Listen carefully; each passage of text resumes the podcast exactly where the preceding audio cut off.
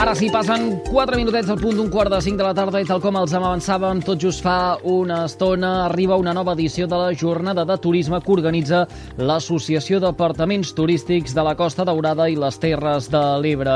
Una trobada professional que arriba a la seva desena edició i que es durà a terme aquest dia jous, dia 25 de maig, a la Sala Europa del Teatre Auditori de Salou. Tot plegat per aglutinar els eh, principals gestors dels apartaments turístics al nostre territori i alhora posar de relleu temes d'interès per aquest àmbit. Tenim ara mateix a l'altra banda del fil telefònic el seu president. Joan Calvet, molt bona tarda i gràcies una vegada més per acceptar la invitació de Carrer Major, el programa de les emissores de la xarxa al Camp de Tarragona. Pues molt bona tarda, moltes gràcies a vosaltres. Senyor Calvet, com encara en aquesta desena edició de la jornada de l'Associació d'Apartaments Turístics eh, que ha de tractar eh, l'actualitat del sector, tot just això, a les portes de l'estiu, d'un estiu que ha de ser novament eh, d'èxit després tot el que ha significat la crisi de la pandèmia? Pues sí, exactament. Bueno, estem il·lusionats, diguéssim, una mica perquè bueno, traiem o conjuntament amb Generalitat i les associacions de, tant de Girona, Tarragona i Barcelona, eh, i juntament amb la Generalitat i la Federació Catalana d'Apartaments Turístics, un, bueno, presentem un segell d'excel·lència de, de les empreses gestores de l'allotjament turístic. Vol dir que amb això garantim que, que som professionals, que donem un servei i una, i una qualitat pues, eh, consolidada i que, bueno, que volem que els clients estiguin contents i que evitar problemes també, possibles problemes que a vegades es produeixen en veïnatge.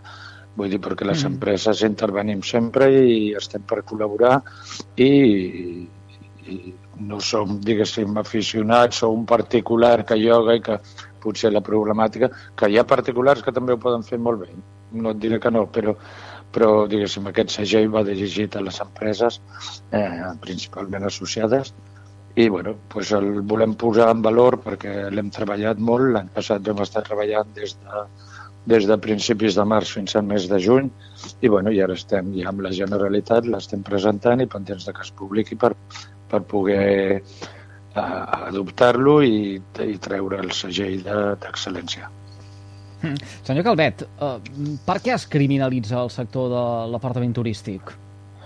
Bueno, perquè ja fa uns anys va sortir a Barcelona, concretament a la Barceloneta, mm, unes imatges d'uns nois. Jo recordo que, diguéssim, aquí és l'origen del problema.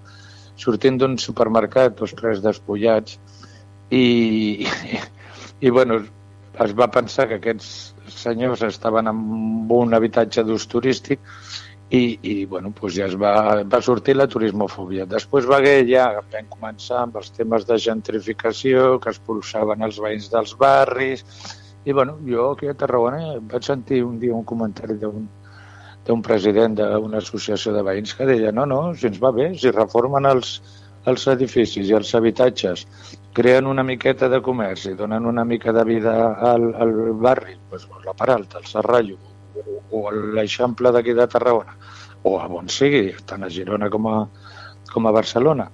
Diu, doncs ja va bé, diu, almenys hi ha moviment, perquè si no, els, els habitatges i les cases es anaven degradant i després bueno, hi ha els sustos que a vegades han tingut al carrer Cavallers, per exemple, mm. per parlar de Tarragona. Perquè, mm -hmm. bueno, és el que hi ha.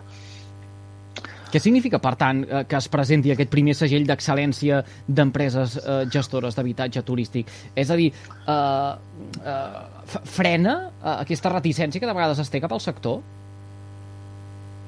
Home, com frena? No, no, entenc la pregunta. O sigui, frenar no. El que nosaltres volem demostrar és que treballem amb una qualitat, que tenim un reconeixement del govern de la Generalitat de Catalunya, que és que, que regula tots els aspectes de turisme, i volem donar confiança al client de que som professionals, que fem les coses bé, que qualsevol problema o, o incidència que tinguin durant la seva estança el solucionarem. Eh? Llavors volem pues, bueno, donar aquesta imatge de que, de que ens ocupem perquè el client quan estigui aquí, el, el visitant, ho passi bé i no es tingui que preocupar de res més que de disfrutar. Mm.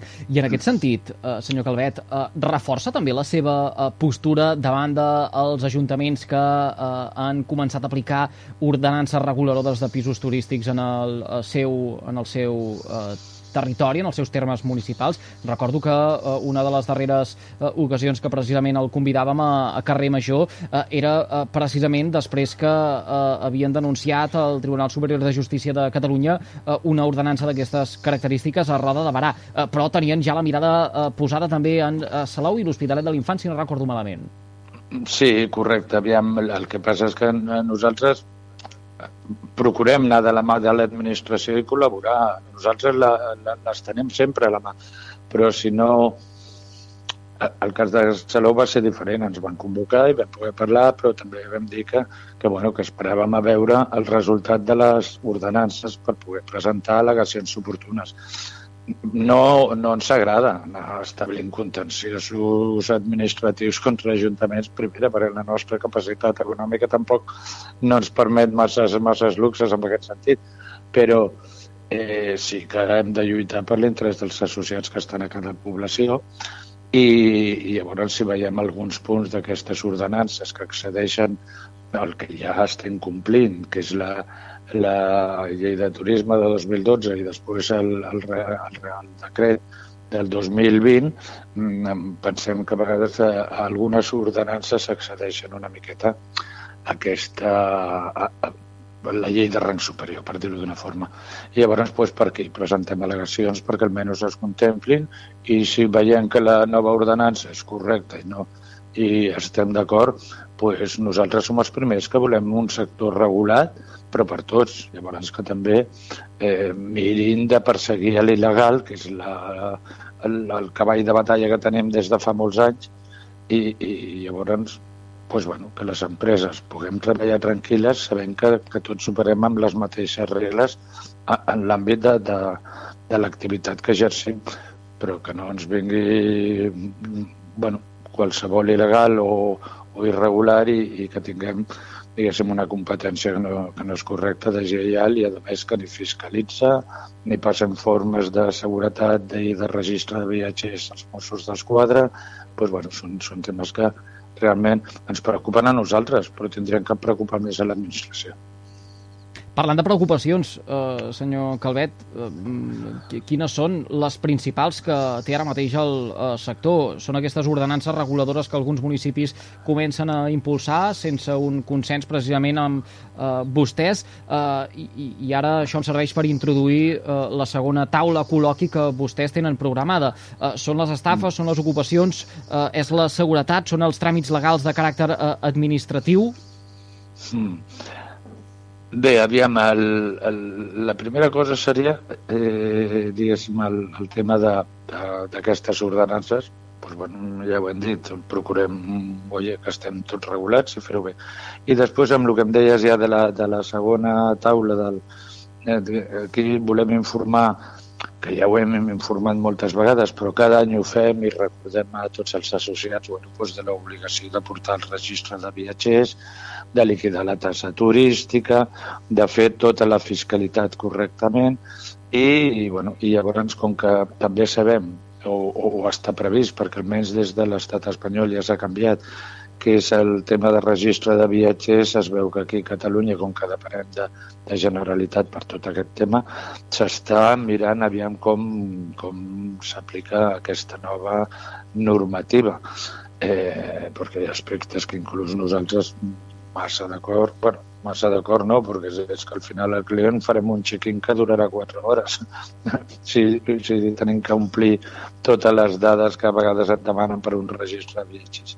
bueno, més que res, aclarar dubtes als associats, eh, deixar que també ho tinguin clar, eh, facilitar també els contactes tant de Mossos d'Esquadra com, com dels nostres serveis jurídics pues, per, bueno, per si surt algun dubte concret eh, poder tindre accés ja via directa pues, amb el que seria amb els Mossos d'Esquadra o, o amb els serveis jurídics que a vegades nosaltres mateixos els filtrem, eh, fem la pregunta i els, serveis jurídics ens responen i ho, ho circulem a tots els associats perquè tinguin coneixement de, pues, bueno, alguna pregunta concreta que ha fet algun associat.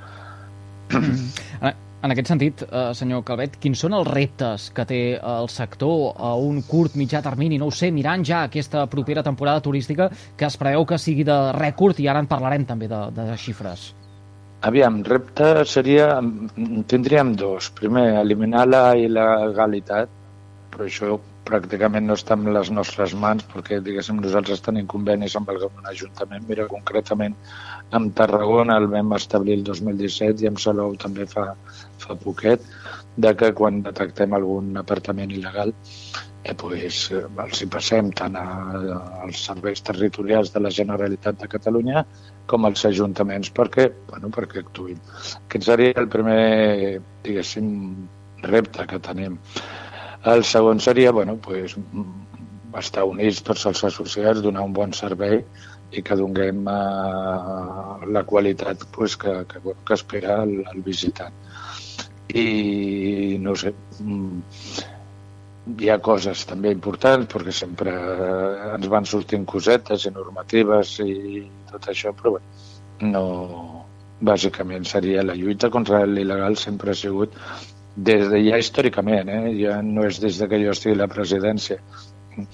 Els tres o quatre anteriors presidents ja havien començat a, a fer això. Mm -hmm. Mm -hmm. Senyor Calvet, dèiem que parlaríem de, de xifres i si li sembla eh, fem una pinzellada per dades que precisament eh, s'han donat a conèixer eh, avui. És que l'enquesta d'ocupació hotelera publicada per l'Institut Nacional d'Estadística eh, recull que eh, des del mes de gener fins a l'abril la Costa Daurada ha rebut més de 408.000 eh, visitants. Això són 70.000 més que en el mateix període de l'any passat. Una diferència menor si això ho comparéssim amb els primers quatre mesos del 2019, previ a la pandèmia pandèmia, eh, però eh, igualment eh, per sobre, perquè haurien passat 25.000 turistes més pel nostre eh, territori. Això el que revela és que l'activitat turística dels primers quatre mesos d'aquest 2023 eh, ha estat molt forta, bona, eh, més no? que el 2019. Eh, S'ha fregat pràcticament el milió de pernoctacions, xifres eh, de, de rècord que suposo que a vostès, tot i que eh, són eh, dades d'ocupació hotelera, els fa preveure també un molt bon estiu pel sector apartamentístic pues sí, nosaltres esperem tindre un, una bona temporada, bueno, tot el sector d'allotjament, eh? només habitatges i apartaments turístics, sinó també càmpings i hotels. Diguéssim, l'any passat va ser el de la recuperació, després d'un de, any nefast que va ser el 2020, perquè pràcticament molts ni vam obrir, bueno, ni van obrir i van estar molt de temps, eh, bueno, temporada perduda. Es va aprofitar també, i això és important, a fer molta reforma, i, i aprofitar per fer inversions que potser estaven pendents i bueno, va ser l'any passat el de la recuperació i, i diguéssim ja aquest any esperem que en sigui de la conciliació. Sí que veiem que estem amb xifres que van molt similars a 2018-2019. Jo, per exemple, tinc ara aquí davant unes dades que són referents a 2022, l'any passat, i, i tu ja m'has dit que estem superant les de l'any passat i pràcticament anant a les del 2019. L'any passat nosaltres vam tindre, o sigui, els habitatges d'ús turístics, segons la font del, de l'Observatori d'Estudis Turístics d'aquí d'Eurecat de, de, de Vilaseca, de 505.000 visitants, visitants quan el 2021, ja no parlo de 2020, eh, va, eh, van ser 321.000 2.100.000 prenoctacions quan el 2021 van ser 1.300.000. bueno, doncs si estem, diguéssim, creixent i veiem que aquesta, que aquesta temporada pot ser ja consolidar i recuperar la tendència que portaven de 2018 i 2019 de, bueno, doncs d'una estabilitat i un sosteniment de, de l'ocupació i, i, i, i dels negocis, pues, millor que millor. L'únic que sí, que a vegades les despeses es disparen perquè els subministres ja sabeu que han pujat moltíssim. I a vegades doncs, bueno, sacrifiquem una mica de marge també per no carregar tot el cost d'aquests increments al client doncs, perquè si no deixaríem de ser competitius i això el sector de l'allotjament no ens interessa. Uh, aquesta és l'altra gran preocupació, eh? Uh, L'encariment uh, pràcticament de, de tot. Uh, uh, senyor Calvet, uh, el fet que estiguem davant d'aquesta temporada de, de, de rècord i, per tant, uh, esperin superar les xifres, almenys aquestes són les previsions d'aquests darrers anys, uh, vol dir que uh, uh, incrementa també el client internacional?